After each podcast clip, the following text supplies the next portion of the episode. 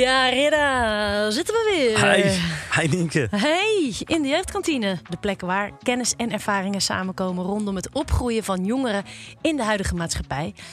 Elke aflevering bespreken wij samen met gasten een nieuw thema aan de hand van een stelling. En het thema van deze aflevering is armoede. Armoede. En daar hoort een stelling bij, die zit hier in dit bakje. Voordat ik die stelling ga pakken, gaan we elkaar even weer voorstellen.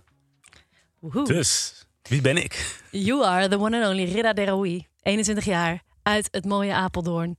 Daar woon je in het groen samen met je ouders, je broer en je zus. En je maakt een hele tevreden indruk. Ga door, zou ik zeggen. Nee, nee. Ja, Nienke de Larief Box, woonachtig in Amsterdam. Met een eh, prachtig kind en een eh prachtig vriend. En 37 jaar. Eh prestatrice, doet heel veel leuke andere dingen. Als dit zo doorgaat Dat in toch? tien afleveringen, dan wordt ons leven echt steeds beter. Toch? Waar eindigen we dan? Maar nee, helemaal Ja. correct. Zal ik maar even de stelling erbij gaan pakken, die eh, deze aflevering eh, startpunt wordt Ja. voor ons gesprek. De stelling is: opgroeien in armoede is opgroeien in schaamte. Zo. Heftige stelling. Mhm. Ja, Ja, ik vind het eerlijk gezegd bijna. Ik vind het pijnlijk of gênant dat we dit onderwerp in deze podcast moeten bespreken. En we moeten het doen, want het is een heel belangrijk thema. Maar ja? ik denk gewoon in een rijk land als Nederland. En het is misschien een cliché, maar dan zou het gewoon niet mogen bestaan. Nou, het zou nergens ter wereld mogen bestaan. Maar dat we, dat we in Nederland daar echt problemen mee hebben. Die ook groter worden doordat alles steeds duurder wordt. Dat is toch, ja, slechte zaak. Eigenlijk is dat heel slecht, ja.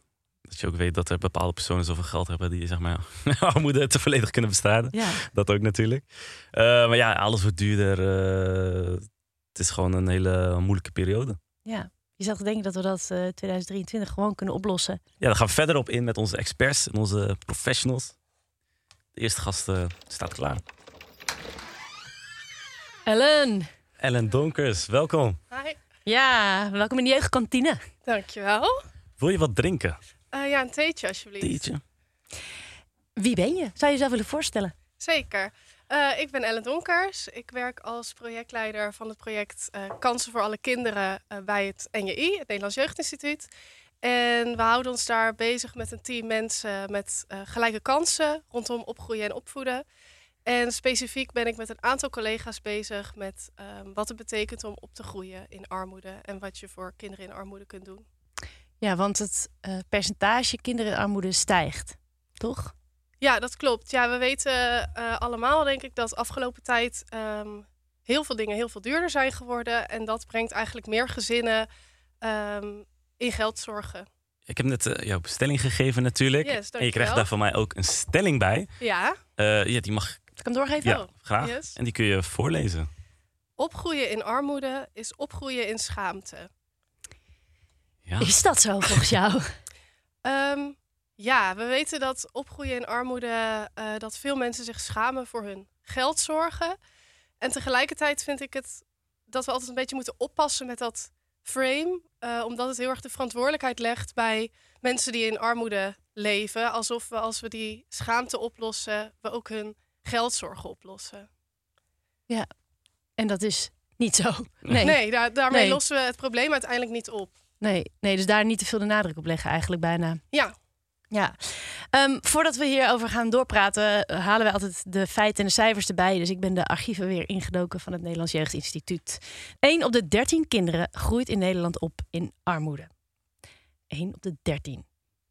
14% van de 18 tot 25-jarigen heeft betalingsproblemen of betalingsachterstanden. Door de stijgende kosten van energie, wonen en boodschappen is de financiële druk op jongvolwassenen verder toegenomen. En uit onderzoek blijkt dat jongeren zich vaak onvoldoende voorbereid voelen op deze financiële verantwoordelijkheid en daardoor de financiële risico's niet zien. Flinke cijfers. Nou, ik vind het echt 1 op de 13. Ja, dat is veel. Ja, we hebben nu wat eh, feiten en cijfers gehoord, maar wat betekent het eigenlijk om in armoede op te groeien? Wat is armoede bijna? Ja, ehm, nou je kunt daar heel technisch naar kijken. Ehm, dus er worden berekeningen gemaakt van wat is een lage inkomensgrens en hoeveel gezinnen vallen daar dan onder. Ehm, maar eigenlijk betekent het voor kinderen heel erg dat ze niet mee kunnen doen met wat anderen vanzelfsprekend vinden. Dus zij kunnen niet eh, op voetbal omdat ze dat willen, want er is gewoon geen eh, geld voor. Dus ze zitten bijvoorbeeld niet op een sportclub. Eh, ze kunnen bijvoorbeeld hun verjaardag niet vieren omdat er geen geld is voor een tractatie op school of voor een kinderfeestje. En dat is wat kinderen vooral heel erg meekrijgen. En dat kan het gevoel geven dat ze er niet bij horen. Wat voor gevolgen heeft het verder voor, voor de ontwikkeling van een kind? Ehm, nou, wat bij armoede komt veel stress kijken van ouders, maar ook van kinderen. Kinderen krijgen dat heel erg mee.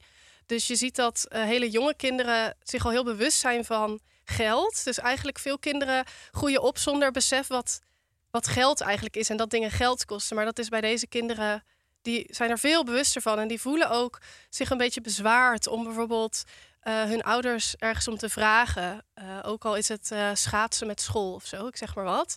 Dat je daarvoor moet betalen. Deze kinderen weten gewoon dat dat geld kost en voelen zich bezwaard. En ze ervaren dus veel stress. En die stress heeft ook echt impact op um, hoe je je gedraagt. Dus het heeft invloed op um, of je op de lange termijn vooruit kunt kijken, op je emotiecontrole. Um, en die uh, stress heeft ook op de langere termijn impact op de hersenen. Op de hersenen? Ja, ja er zijn echt onderzoeken gedaan met uh, MRI-scans van kinderen in armoede uh, en kinderen zonder geldzorgen.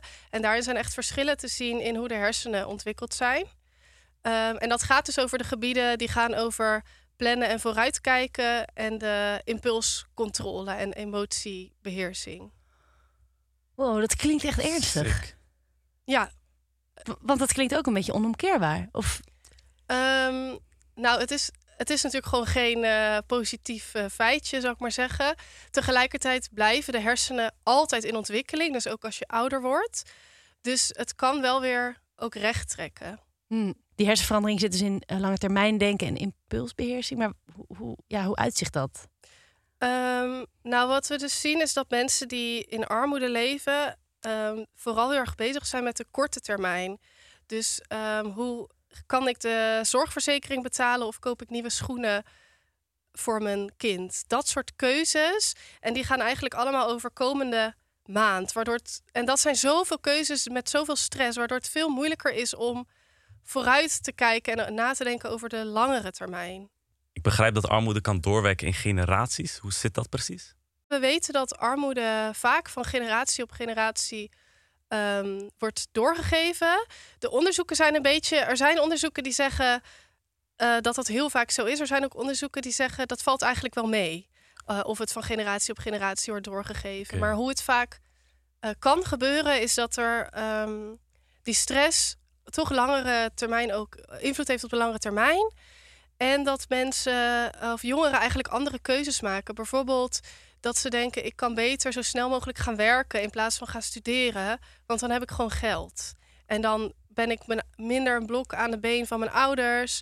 Of dan um, kan ik voor mezelf kan ik op eigen benen staan.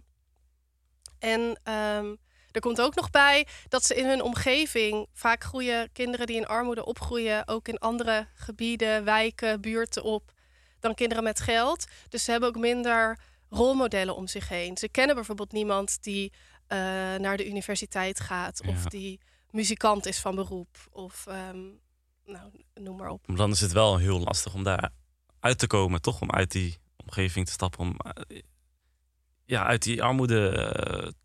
Uh, Spiraal. Ja, een beetje, ja, toch?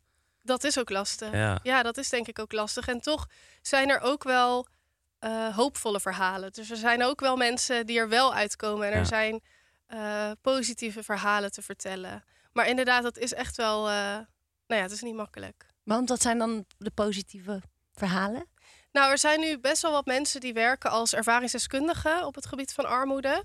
Um, dus die zijn opgegroeid in armoede en die werken nu als ervaringsdeskundigen. Dus zij gebruiken hun ervaring om bijvoorbeeld beleid te verbeteren. Um, maar er zijn ook verhalen van mensen die uiteindelijk toch zijn gaan studeren. Die zijn gaan stapelen in opleidingen. Of die een succesvol bedrijf zijn begonnen. Ja. Nou, er zijn heel veel verhalen te vertellen natuurlijk. Ja, oké. Okay. Ja, en ook als je die verhalen niet kent, dan is het zo ver van je bedshow, denk ik, voor veel mensen. Maar hoe komt het dat er zo'n taboe op zit ook? Um, ja, we begonnen natuurlijk ook met die stelling van uh, opgroeien ja. in schaamte. En dat gaat best wel vaak als het gaat over mensen in armoede, gaat het over schaamte. Maar eigenlijk praten we allemaal niet zoveel over geld. Dus als ik jullie in deze podcast vraag, eh, hoeveel verdienen jullie eigenlijk? Dan denk Ja. je ook van, oeh, ga ik dat zo hier eh, op tafel gooien? Mhm. Ehm, dus we praten sowieso niet zoveel over geld. En juist ehm, doordat we heel erg het idee hebben van je maakt je eigen leven en heel veel eigen verantwoordelijkheid, juist in onze Nederlandse cultuur, dat maakt het ook moeilijker om dat mensen het gevoel hebben van het is mij niet gelukt of zo. ja. Of ik heb gefaald in ik had dit moeten kunnen doen en het lukt me niet. Dat klinkt alsof het een soort van onoplosbaar iets is eigenlijk. Een deel zit heel erg in het systeem. Dus dat mensen niet genoeg, dat mensen werken en niet genoeg verdienen om fatsoenlijk rond te komen. Ja, daar moet eigenlijk iets aan veranderen. En er is nu ook natuurlijk wel, eh er wordt nu ook veel over gesproken in de politiek. Van wat kunnen we daar anders in doen? en ook het systeem van hoe mensen hulp kunnen krijgen is vaak best wel ingewikkeld. Want misschien is jouw systeem gewoon veel te ingewikkeld. Jouw loket op de vijfde verdieping van het gemeentehuis Ja, weten ja, ja, mensen dat wel te vinden. Alles is natuurlijk duurder, hè? Maar is er ook een soort van grotere groep die, eh, die in armoede leeft? Die, die, Nou, die, die we eigenlijk niet kennen, zeg maar? Eh, uit de meest recente cijfers blijkt dat vooral jongeren en jongvolwassenen eh, het moeilijker hebben om nu rond te komen. Omdat ze vaker flexibele contracten hebben bijvoorbeeld. Of een bijbaan hebben. Omdat een eh kamer huren bijvoorbeeld heel, heel veel duurder is geworden. Zeg maar relatief op het inkomen wat jongeren hebben. Dus we weten dat zij nu wel eh, nou ja, een groep zijn waar meer problemen zijn. En geldt dat dan ook voor bijvoorbeeld jongeren die net aan hun studie beginnen, die hun studie moeten betalen? Ja, zeker. Het eh NIBUD, dat is het eh, kenniscentrum eh, dat gaat over financiën, Mhm. heeft ook echt een berekening gemaakt waaruit eigenlijk blijkt dat een jongere van 18 niet rond kan komen van een bijbaan naast de studie. Je kunt gewoon niet en de kamer betalen en je eten betalen en nog iets leuks doen. Nee. Ehm, en dat maakt ook dat deze jongeren dus meer afhankelijk zijn van dat hun ouders bijvoorbeeld iets kunnen bijleggen. Maar de ouders waarover wij het net hadden, die kunnen helemaal niks bijleggen. nee. Dus dat vergroot ook die eh, ongelijke kansen. Ja, en dan binnen zo'n groep ook de schaamte natuurlijk weer. Want zeker bij jongeren is schaamtegevoel, kan ik me voorstellen, best wel groot. Klopt. Bij jongeren speelt ook nog veel meer het gevoel van ehm, erbij willen horen. Dus Ja. bijvoorbeeld bepaalde schoenen willen hebben of bepaalde kleding willen hebben. Ehm, en dat is ook echt in die leeftijdsgroep belangrijker om erbij te horen. Ja. Dus het is niet alleen het gevoel wat ze hebben, maar dat, eh, ja, dat is uiteindelijk ook zo. En doet social media daar dan ook nog wat aan, omdat we dan allemaal onze eigen etalage hebben? Of valt dat mee?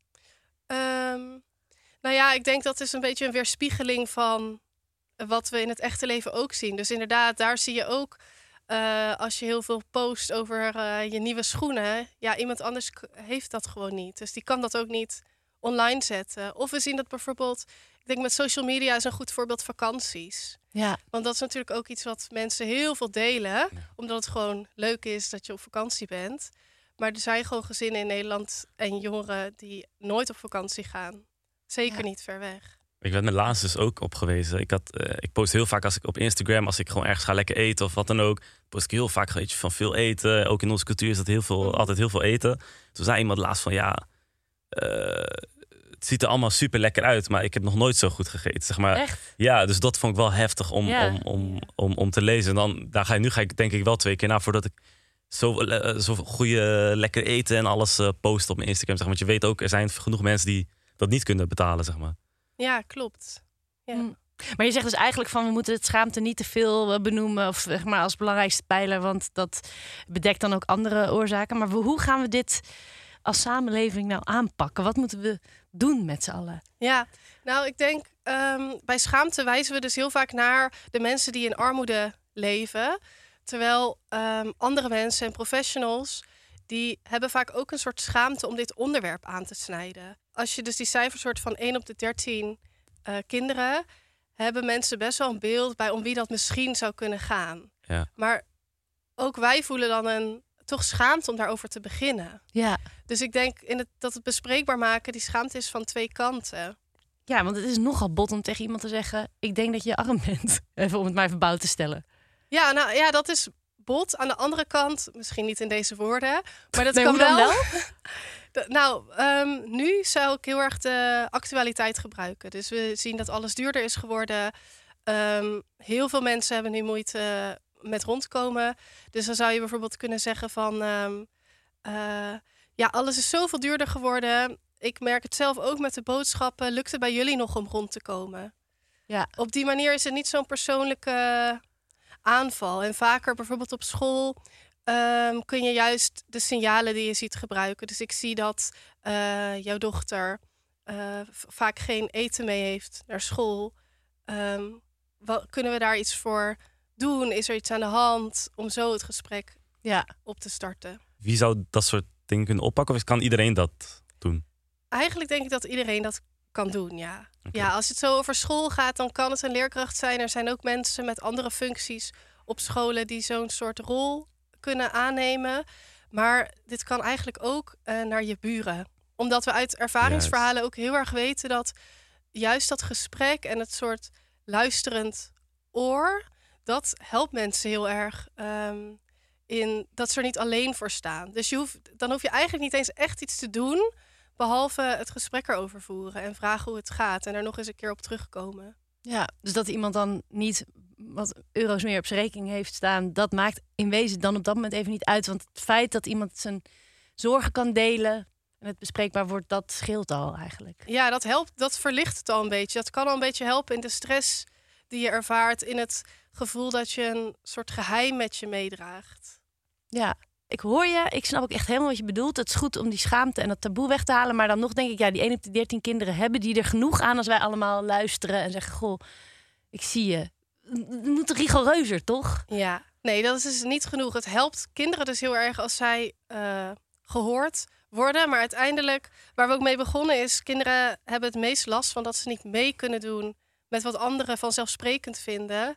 En dat is dus wel nodig, dat zij wel ook mee kunnen doen. Dat ze wel ehm, bij een sportclub kunnen, dat ze wel eh, op toneelles kunnen, nou ja, net hè, wat ze willen, dat ze hun verjaardag kunnen vieren, dat soort dingen.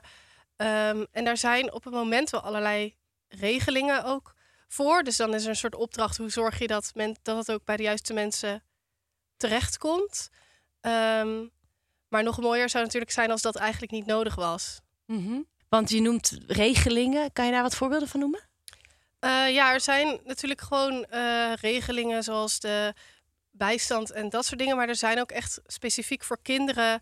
Ehm, is er bijvoorbeeld een stichting Jarige Job, waar ouders een pakket voor hun eh, jarige kind kunnen aanvragen. Dus daar zitten dingen in, letterlijk als slingers. eh, maar ook, ehm, nou ja, dus dat je eigenlijk je verjaardag kunt vieren zoals andere kinderen dat doen. Ehm, of er zijn regelingen waarbij kinderen hun sportabonnement betaald krijgen. Dus dat zijn eh, concrete voorbeelden van waar je dan aan moet denken. En waar kunnen mensen dat vinden? Eh, meestal via hun gemeente. Eh, dus eigenlijk kun je het beste zoeken op bijvoorbeeld eh geldzorgen Den Bosch, ehm, geldzorgen Utrecht. Daar even op googelen, want het is, dat is het lastige hier ook van, dat het per gemeente anders geregeld kan zijn. Jeetje. Dus het kan zijn dat het in Den Bosch op een hele andere manier werkt dan in Utrecht. Ehm, maar door daarop te zoeken kun je eigenlijk vinden wat je in jouw gemeente kunt aanvragen en hoe dat werkt. Vaak is er iets van een, wel een loket waar je terecht kunt. En het is natuurlijk echt te gek dat die regelingen eh, er in Nederland zijn. Maar ik kan me wel voorstellen dat de stap om naar zo'n loket te gaan, om zo'n verjaardagspakket aan te vragen, heel groot is. Want daarmee erken je dus ook naar jezelf toe: ik ben arm. Dat lijkt me heel moeilijk. Ja, klopt. We kennen ook wel verhalen van eh, kinderen die dus aangeven van het was alsof ik een groot geheim bij me droeg. Of mijn ouders vertelden me zelfs eh, dat dit geheim moest blijven. Dat ik het tegen niemand moest, mocht zeggen. En in die zin ben je als kind ook wel heel afhankelijk van dat je ouders dus eh, hulp vragen. Want eigenlijk zitten zij er vaak wel tussen om die regelingen aan te vragen. Er zijn wel dingen die ehm, door ook andere professionals aangevraagd kunnen worden. Dus die bijvoorbeeld een leraar kan eh, eh, aanvragen. Nou ja. Ja, maar kinderen zelf kunnen dus eigenlijk wat dat betreft niet heel veel. Nee, eigenlijk niet. Wat gek is, als buitenstaander zou je denken: joh, vraag zo'n verjaardagspakket aan. Maar ik ben moeder en het idee dat ik geen slingers voor mijn kindje zou kunnen Ja. kopen, dat breekt eigenlijk je hart, toch? Ja. Ja. Heb je dan ook tips voor bijvoorbeeld leerkrachten? Nou ja, we hebben het al veel gehad over het bespreekbaar maken van armoede. Ehm, er zijn uh, lijst, signaleringslijsten gemaakt met waaraan kun je armoede eigenlijk herkennen. Ehm, en als je vermoedt dat een kind in armoede opgroeit, dan is het heel goed om dat gesprek aan te gaan. Eigenlijk eerst met het kind om eens te vragen hoe het thuis is. Uh, je spreekt ouders ook wel regelmatig. Kun je daar ook de stap zetten om eens nou ja, uh, het gesprek te openen over geldzorgen? En uiteindelijk is het natuurlijk als school of als leraar niet jouw taak om armoede op te lossen. Dus is het ook belangrijk dat je weet waar kan ik deze ouders naartoe doorverwijzen. En dat is?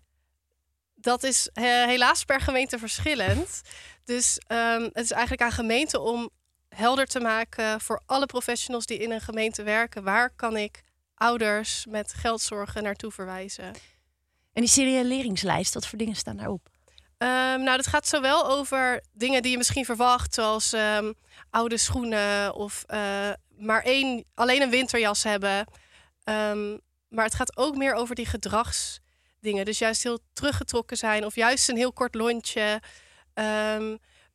vaker dingen vergeten. ja, meer de gedragskenmerken van opgroeien in armoede. Hm. Kortom, het gesprek erover beginnen. Ja, ja. Was, uh, was een goed gesprek veel, uh, veel wijzer geworden weer. Ja.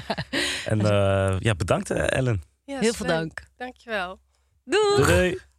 Ik zit dus nu te denken door dingen wat ze zeiden, die signaleringslijst. Ik had gewoon een jongetje in mijn klas. Die werd ook gepest, maar die was gewoon hartstikke aan. Die had altijd vieze kleren aan, oude kleren. Zijn haar zat ook altijd zo hier voorbij zijn ogen. Dus ik denk dat haar? Ja, dus Oh. zijn haar werd niet geknipt op tijd. Ging ook vaak niet mee op schoolreis. Ze- ze- Nooit bij stilgestaan als kind. Lijp. Ja. Nou, kortom, weer wat geleerd. Precies. Hey, Stephanie. Welkom. Stephanie Boer. Ja, dat ben ik. Ga lekker zitten. Wil je wat Dankjewel. drinken? Een glaasje water alsjeblieft. Kijk, ja, ja eh, wij vragen onze gasten altijd even zichzelf te introduceren, voor te stellen. Eh, nou, ik ben Stephanie Boer, ik ben 30, kom uit het mooie Rotterdam. Kijk En aan. ik ben ervaringsdeskundige op gebied van jeugdzorg, maar ook armoede en eh schuldopverlening. Ja, dus jij kan ons als geen, anders, als geen ander vertellen hoe, hoe dat is om op te groeien in armoede. Dat Ik- klopt. Voordat we verder in gesprek gaan, gaan we eerst nog even luisteren naar die jongeren op straat. Om te kijken wat zij van deze stelling vinden. Opgroeien in armoede is opgroeien in schaamte. Ik denk dat het vanaf hangt waar je opgroeit dan, zeg maar. Ik kan me er wel eens bij voorstellen dat je zo voelt, maar ik denk dat het taboe er een beetje af moet. Dat vind ik niet. Nee, want je kan altijd meer bereiken. Je kan, van niks be- je kan met niks beginnen en je kan er zelf wat van maken. Ik ben daar niet helemaal mee eens. Nee, ik, ik denk dat je er nergens voor hoeft te schamen. Wat, wat is armoede nou? Dat vind ik ook. En ik vind dat eh, familie meer waard is dan geld. En geluk nog meer waard is dan geld. Ik denk dat als je opgroeit in armoede, dat je ook vaak opgroeit in schaamte. Ik denk omdat mensen zich heel snel verschamen, omdat ze mensen op school zien bijvoorbeeld met duurdere dingen, duurdere kleding. eh, dat ze bijvoorbeeld wel met lunch naar school te komen. Eh, en ik denk dat je daar toch een bepaalde schaamte van krijgt, omdat je anders bent dan de rest. Ja, Stephanie, je zat wild mee te knikken, te schudden. Je Ja. vond er wel wat van, geloof ik. Ja, ehm, je weet pas echt wat armoede is op het moment dat je er met beide benen in staat. En ehm, er is wel degelijk eigenlijk schaamte. Eh, vooral omdat we in een tijdperk leven waarin materialisme meer naar voren komt dan eh, bijvoorbeeld liefde thuis krijgen. En eh, je ziet kinderen van 5, 6 jaar met de nieuwste iPhones lopen. Dus hoe kan je dan verwachten dat er dan geen schaamte heerst? Als je dan de meeste kinderen met een iPhone ziet lopen en jij dan aan je moeder moet vragen van mama, ik wil ook een telefoon en jij moet je kind gaan verkopen van ja, dat kan ik niet, want ik kan het niet betalen. Kindje wordt buitengesloten, kindje wordt gepest. In mijn tijd, toen ik klein was, was dat al zo. Ehm, en dat is ook de reden waarom ik naar buiten treed met mijn verhaal, omdat die taboe er wel degelijk is. Mensen verschuiven het liever dan als ze in werkelijkheid erover praten. Ja. Ja, inderdaad. En, en ook er waren wel reacties. Ja, eigenlijk veel mensen die het niet eens waren met de stelling om verschillende redenen. Maar mensen ook wel die zeggen, ja, je hoeft je er niet voor te schamen. Ja, dat is makkelijker gezegd dan gedaan in werkelijkheid. Want als jij aan je eigen kindje moet gaan verkopen van ik kan dit jaar geen verjaardagsfeestje voor jou geven omdat er niet genoeg geld is. En kindjes gaan naar jou vragen van ja, wat doe jij met je verjaardag? Of ze gaan er geheid over liegen.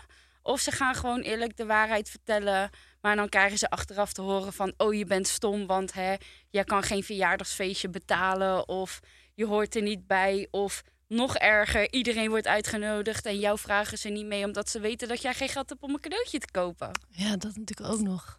Ja, want je zei net van, ik, daarom kies ik ervoor mijn verhaal te delen. Kan, kan je iets vertellen over hoe je bent opgegroeid? Ah, ja, nou ja, ik ben dus een kop-kof-kind. Kop-kof staat letterlijk kind, eh, ouder of psychiatrische problematiek of verslavingsproblematiek. En ik ben dus een kind met kop-kof. Dus eh, mijn ouders waren allebei verslaafd aan de alcohol. Dus ehm, geld was er niet veel. En als we geld hadden, dan ging dat op naar de rekeningen. Ehm, dus we hadden vroeger best wel lege koelkasten. Eh, in die zin, eh, mijn ouders konden ook niet goed koken. dus het was of rauw of het was gewoon zwaar verbrand. En daardoor leerde ik eigenlijk best wel snel opgroeien. Ik had een tweelingzusje die is gehandicapt. En uh, gedeeltelijk naarmate ik ouder werd, moest ik ook voor haar gaan zorgen. Ja. Hoe oud was je toen? Ik denk een jaar of vijf, zes. Ja. Je zegt ouder, maar dat is dus heel jong. Dat is jong, ja. ja. Schaamde jij je, je daarvoor? Ja, in degelijke zin wel, ja. Want ik ben niet haar ouder, ik ben haar zus. En um, ik geloof ook wel dat mijn ouders enigszins ziek waren. Want als jij dat is echt puur mijn mening, de alcohol boven je kinderen kan verzetten, geloof ik niet dat jij helder, helder bezig bent. Um, dus in die uh, opzicht, ja, ik denk wel degelijk dat ze ziek waren. Mm -hmm. En um, hun leven bestond letterlijk uit voor de kinderen zorgen en dan in de avond lekker feest vieren en dag in dag uit zowat. Ja. ja. ja. Dus jouw gevecht was niet alleen dat het gevecht met armoede, maar ook de aandacht van je ouders, de zorg die je als kind niet kreeg. Ja, de zorg ging 9 van de 10 keer naar mijn zusje. En ik neem het haar vooral niet kwalijk vanwege het feit dat ze gewoon gehandicapt is. En zij heeft niet voor dit leven gekozen. En ze is er heel goed vanaf gekomen. Maar ja, daardoor uh, kreeg ik niet altijd de aandacht die ik nodig had. Hm. Dus ja. En op, en op school, als je bijvoorbeeld naar school, hoe, hoe was dat dan? Ja, dat was heel erg lastig. Uh, was best wel onhandelbaar, kon niet stilzitten. Um, ja, had geen concentratie. Uh, was vooral eigenlijk bezig met overleven. Um, ja, op een gegeven moment, ik stonk. Ik had niet echt goede douche uh, waarmee je kon douchen. Um, ja, ik kwam altijd eten tekort. Ging altijd bij anderen eten tussen de middag bij wijze van. Zodat ik toch een beetje kon lunchen. Of dan had je van dat schoolmelk van vroeger nog. Nou, dan mocht ik altijd een pakje extra pakken. Omdat ze wisten dat ik geen eten of drinken bij me had. En dan kon ik zo een beetje overleven. Maar het klinkt wel alsof er mensen om je heen waren, misschien ouders van andere kinderen of je leraren, die zich er bewust van waren. Dat weet ik wel zeker. En ik vraag me echt af met een hele grote vraagteken waarom er nooit is ingegrepen. Is, is er nooit iets van hulp aangeboden bij jou? Uh, voor zover ik kan herinneren niet. Alleen, okay. um, ja, mijn ouders die waren wel slim natuurlijk. Dus in die zin jeugdzorg en de kinderbescherming, die ontwijkten ze wel. Daarom had ik ook nooit een vaste woonadres of iets. Het was okay. altijd verhuizen, omdat we of de huur niet betaalden... of ze wisten dat wij gewoon niet goed verzorgd werden... en gingen we telkens van huis naar huis, van plek naar plek. Dus ik heb nooit echt ook stabiliteit in mijn leven gekend. Ja. Hoe, hoe heb je het gered? Ja, ik weet het niet. Overleven, denk ik. Ja, gewoon... Uh, ik weet niet, je weet op dat moment ook niet beter, hè? Ja. Op dat moment is het gewoon jouw leven en daar moet je het gewoon mee doen. En ja, ik vind het een lastige vraag, vooral voor een kind van vijf, zes jaar. Van ja, hoe hou je je hoofd boven water? Het kind weet niet beter. Het is zijn of haar leven, dus ja, iedereen staat er met de mond vol tanden naar te kijken. En voor jou is het gewoon de normale dag, dag in en dag uit. Ja. Wanneer ging het Wanneer ging het een stuk beter, zeg maar? Wanneer was het uh, het op Um, opslagpunt? Nou ja, totdat mijn moeder kwam te overlijden. Mijn moeder overleed toen ik negen was. En uh, letterlijk de dag daarna ben ik bij een pleeggezin terechtgekomen. Um, in het begin ging dat goed, later niet meer. Daar wil ik verder ook niet zoveel over kwijt. Um, maar uh, daarna ging ik ineens naar een plek waar ik alles kreeg wat mijn hartje begeerde. Overvloed aan kleding, speelgoed, eten, drinken... Um, en ik wist niet hoe ik dat moest verkroppen, want ik ging ineens van heel weinig naar ontzettend veel. En ik kon nog niet eens verwerken dat mijn moeder kwam eh, te overlijden. Of die was al overleden. Nou, dan ben ik nog... Dus de dag na mijn moeders crematie ben ik bij dat pleeggezin terechtgekomen. Daar kreeg ik ineens alles wat mijn hartje begeerde. Nou, dat ging op een gegeven moment ging dat ook fout. Omdat ik ehm, kreeg hulpverlening vanuit de jeugdzorg. Aan de ene kant is het totaal niet logisch... als jij iemand uit het ergste van zijn leven haalt naar ineens het beste van zijn leven. Kind weet überhaupt niet hoe het met kleding en schoenen en spullen om moet gaan, omdat ze dat niet gewend is. Dus dan krijg je al een soort wrijving van: oké, we moeten dit kind misschien toch maar wat meer hulp gaan bieden, zodat ze überhaupt gaat moet leren. Ik moet gaan leren om te leven. Dat klinkt heel stom, maar als je het ene bent gewend en je krijgt het tegenovergestelde, is heel moeilijk om te accepteren en het een plekje te geven en daarmee om te moeten leren gaan. En hoe, hoe, hoe gaat dat nu dan? Heeft dat doorgewerkt op jouw situatie? Ehm, nou ja, we zijn er nog niet. Ehm, ik leer nu langzaam eigenlijk pas een beetje leven. Uh, want in dat pleeggezin ging het niet goed. Toen ben ik naar een instelling gegaan. Ik had geen contact meer met mijn vader en toen is mijn vader onverwachts overleden. En uh, midden in de instelling waar ik woonde, moest ik dat ook nog eens gaan verwerken. Toen daarna ben ik weer teruggegaan naar pleegfamilie, omdat ik dacht dat dat wel zou kunnen. Maar dat bleek uiteindelijk niet te kunnen zijn. Ben ik naar mijn tante gegaan. En tante uh, is het uiteindelijk ook niet goed gegaan uh, vanwege geld. Maakt ook verder niet uit hoe of wat. Ben ik op mijn twintigste verjaardag op straat gezet. Heb ik zes maanden nachtopvang gezeten. Dat is letterlijk dat je gewoon acht uur s morgens tot vijf uur s middags de deuren uitgaat. En je kijkt maar wat je doet overdag. En ja, s'avonds heb je dan een slaapplek.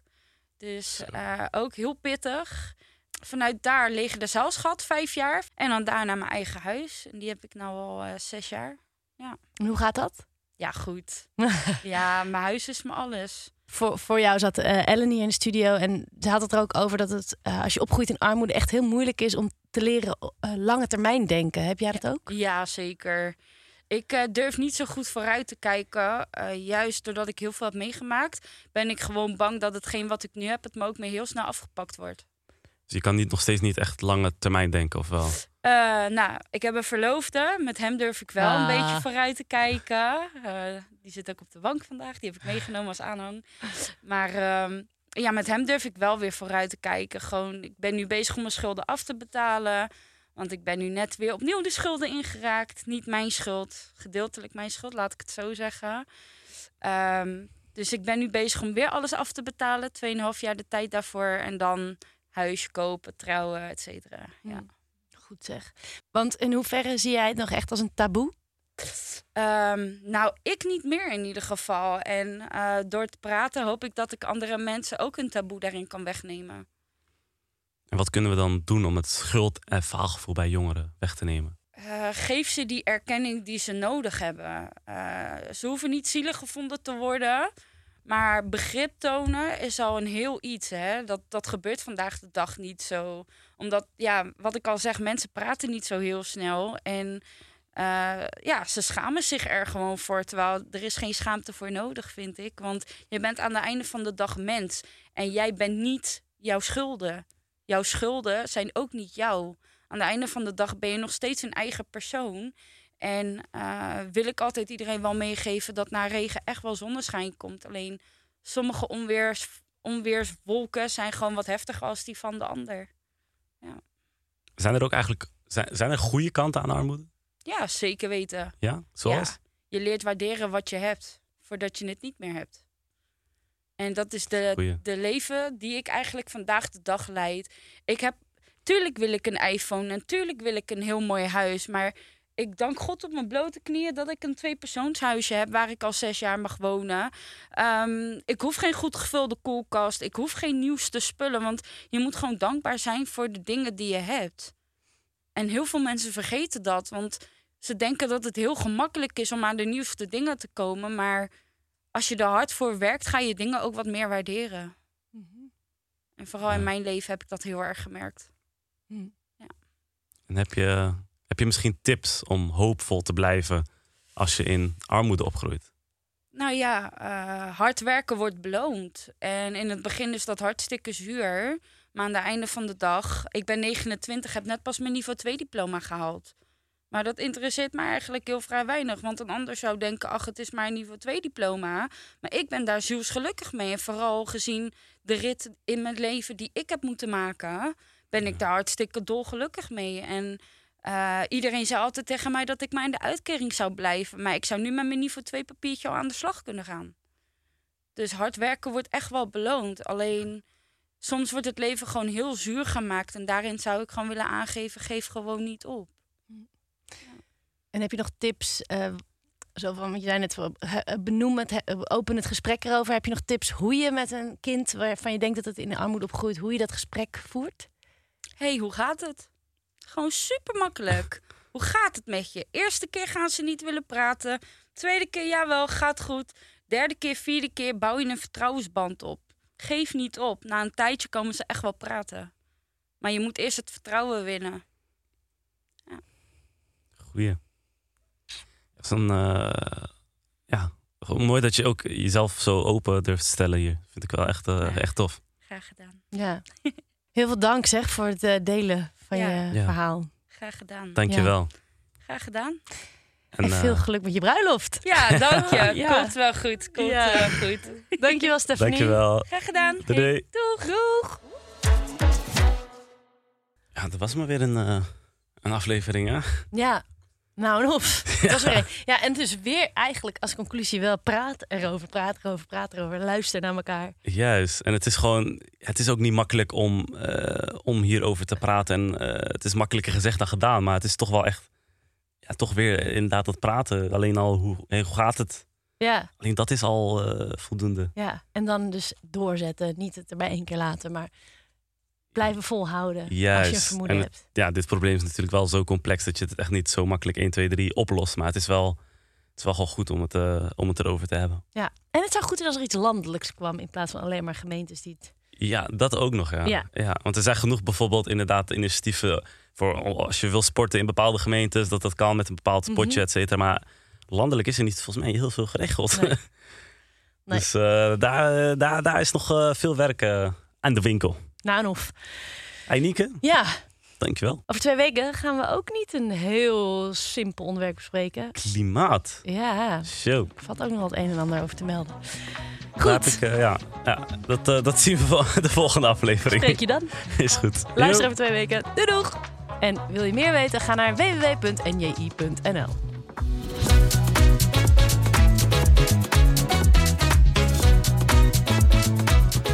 podcast van het NJI.